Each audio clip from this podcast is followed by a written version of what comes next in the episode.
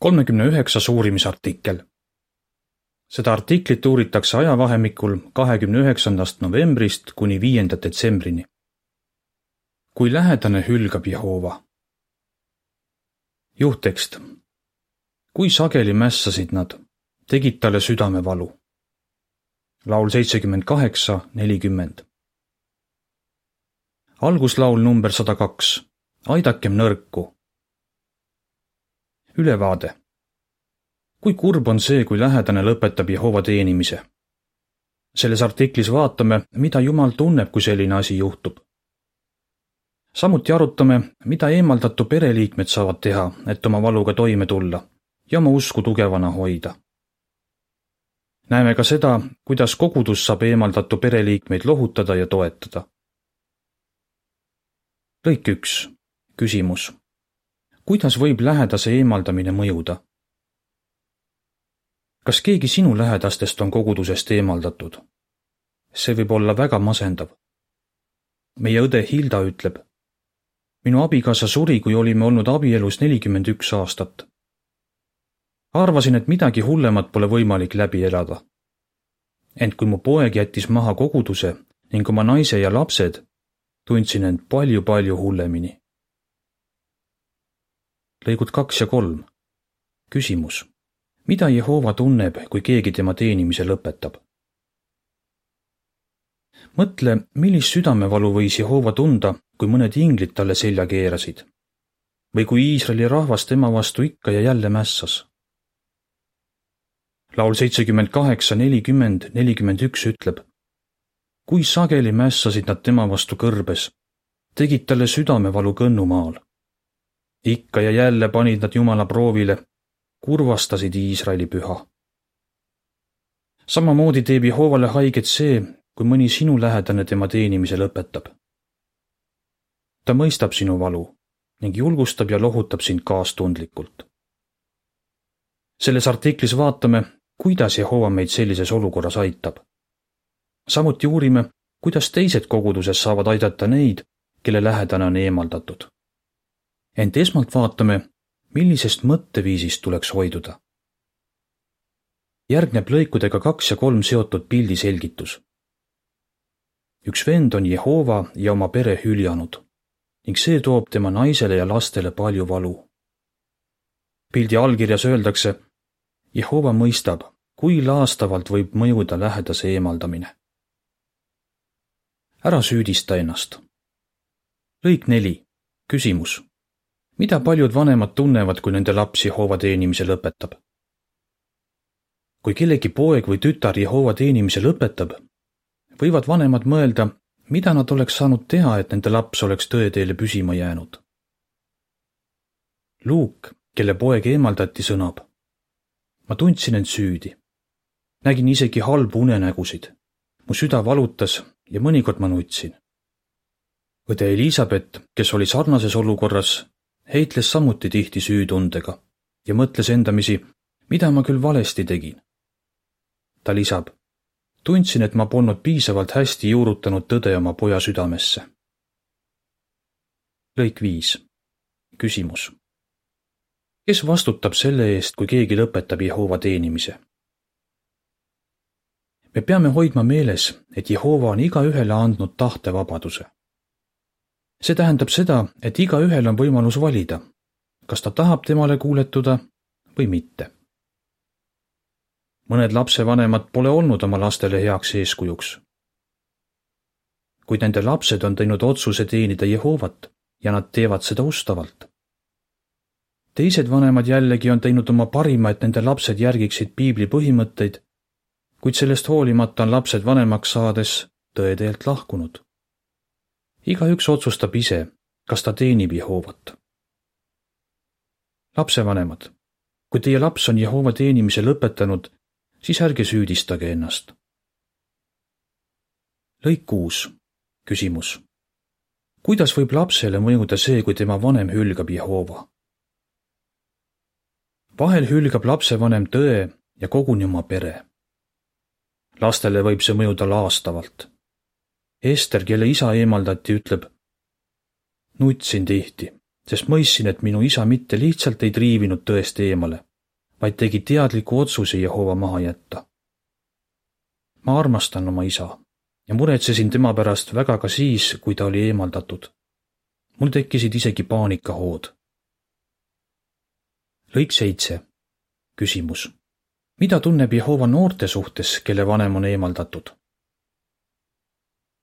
Kallis noor, kui üks sinu vanematest on eemaldatud, siis me mõistame sinu kurbust.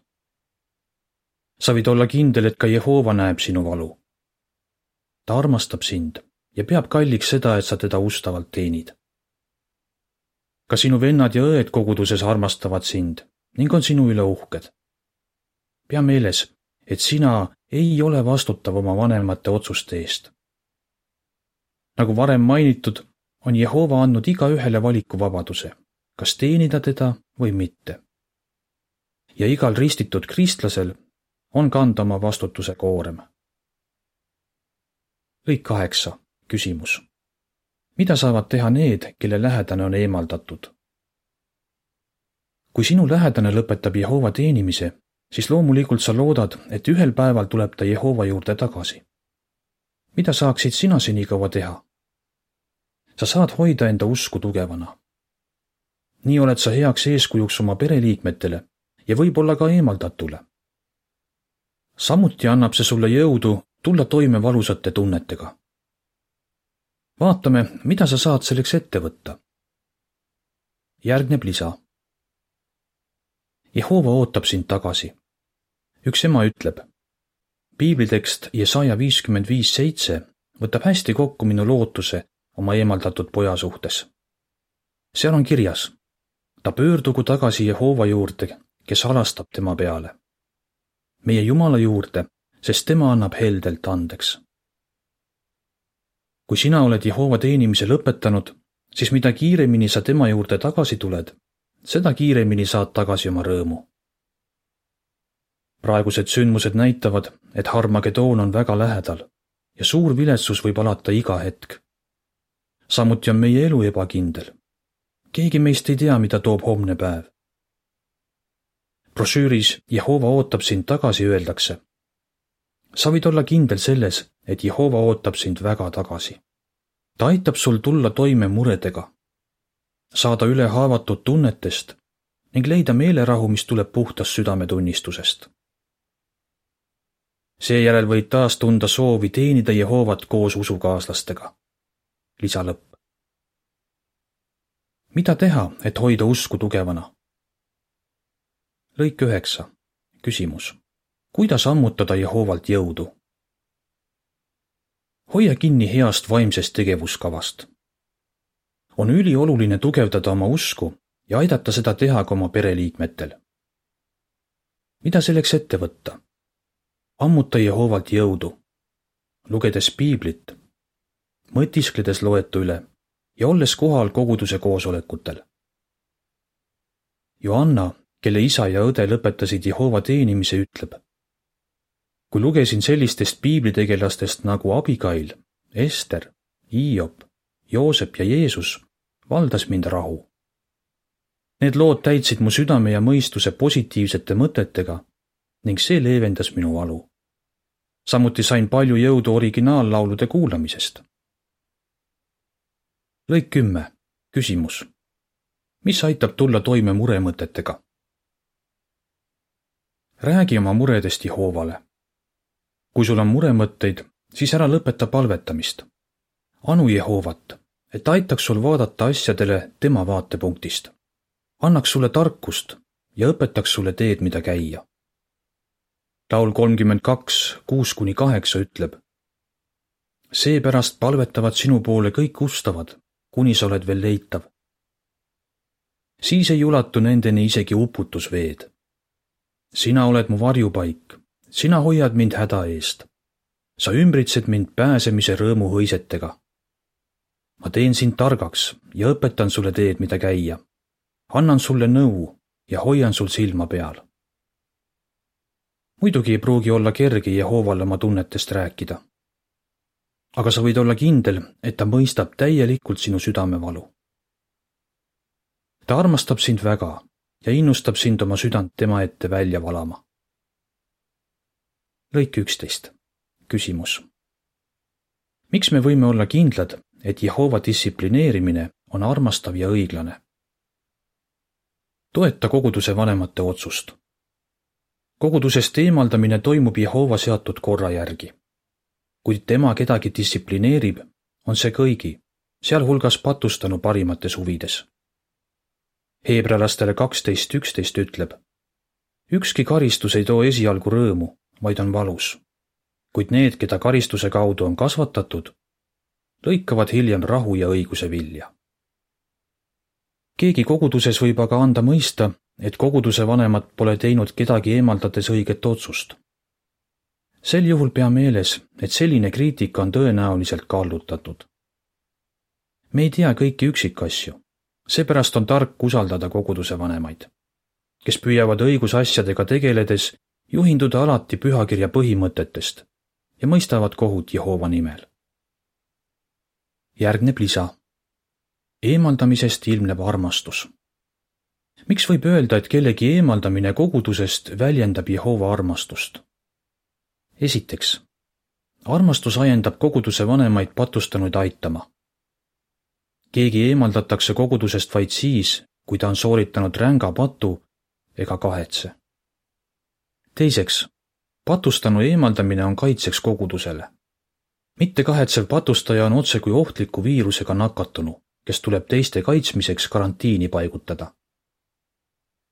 kolmandaks, eemaldamine võib ajendada patustanud kahetsema. Paljud eemaldatud on hiljem oma väärteo tõsidust mõistnud ja Jehova juurde tagasi tulnud.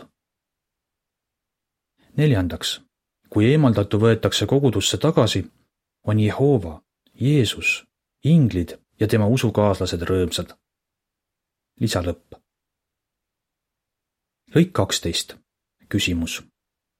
milliseid tulemusi on toonud Jehova juhtnööridest kinnipidamine? Kui sinu lähedane on eemaldatud ja sa toetad koguduse vanemate otsust, võib see aidata tal Jehova juurde tagasi tulla. varem mainitud Elizabeth sõnab, meil oli äärmiselt raske oma täiskasvanud pojaga läbikäimisest hoiduda. ent pärast seda, kui ta hakkas taas Jehovat teenima tunnistas ta, et tema eemaldamine oli vajalik. ta ütles, et õppis sellest palju. ja mina mõistsin, et Jehova distsiplineerib alati õiglaselt. Elizabethi abikaasa Mark lisab. hiljem ütles poeg mulle, et ta soovis tagasi tulla osaliselt sellepärast, et meie tegime täpselt seda, mida me pidime tegema.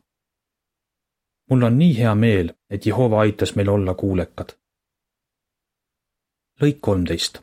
küsimus. mis võib aidata sul valusate tunnetega toime tulla? räägi mõistvate sõpradega. Nendeks võivad olla küpsed kristlased, kes aitavad sul hoida positiivset suhtumist. varem mainitud Joanna ütleb, tundsin end üksildasena. ent usaldusväärsete sõpradega suhtlemine aitas mul hakkama saada. mida teha aga siis, kui kellegi sõnad sulle haiget teevad? lõik neliteist. küsimus. miks on meil vaja üksteist sallida ja üksteisele andeks anda?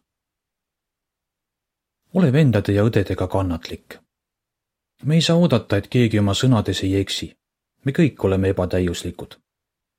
seega ei peaks meid üllatama, kui keegi vahel ei oska midagi öelda või ütleb midagi, mis teeb meile haiget. pea meeles Pauluse manitsust.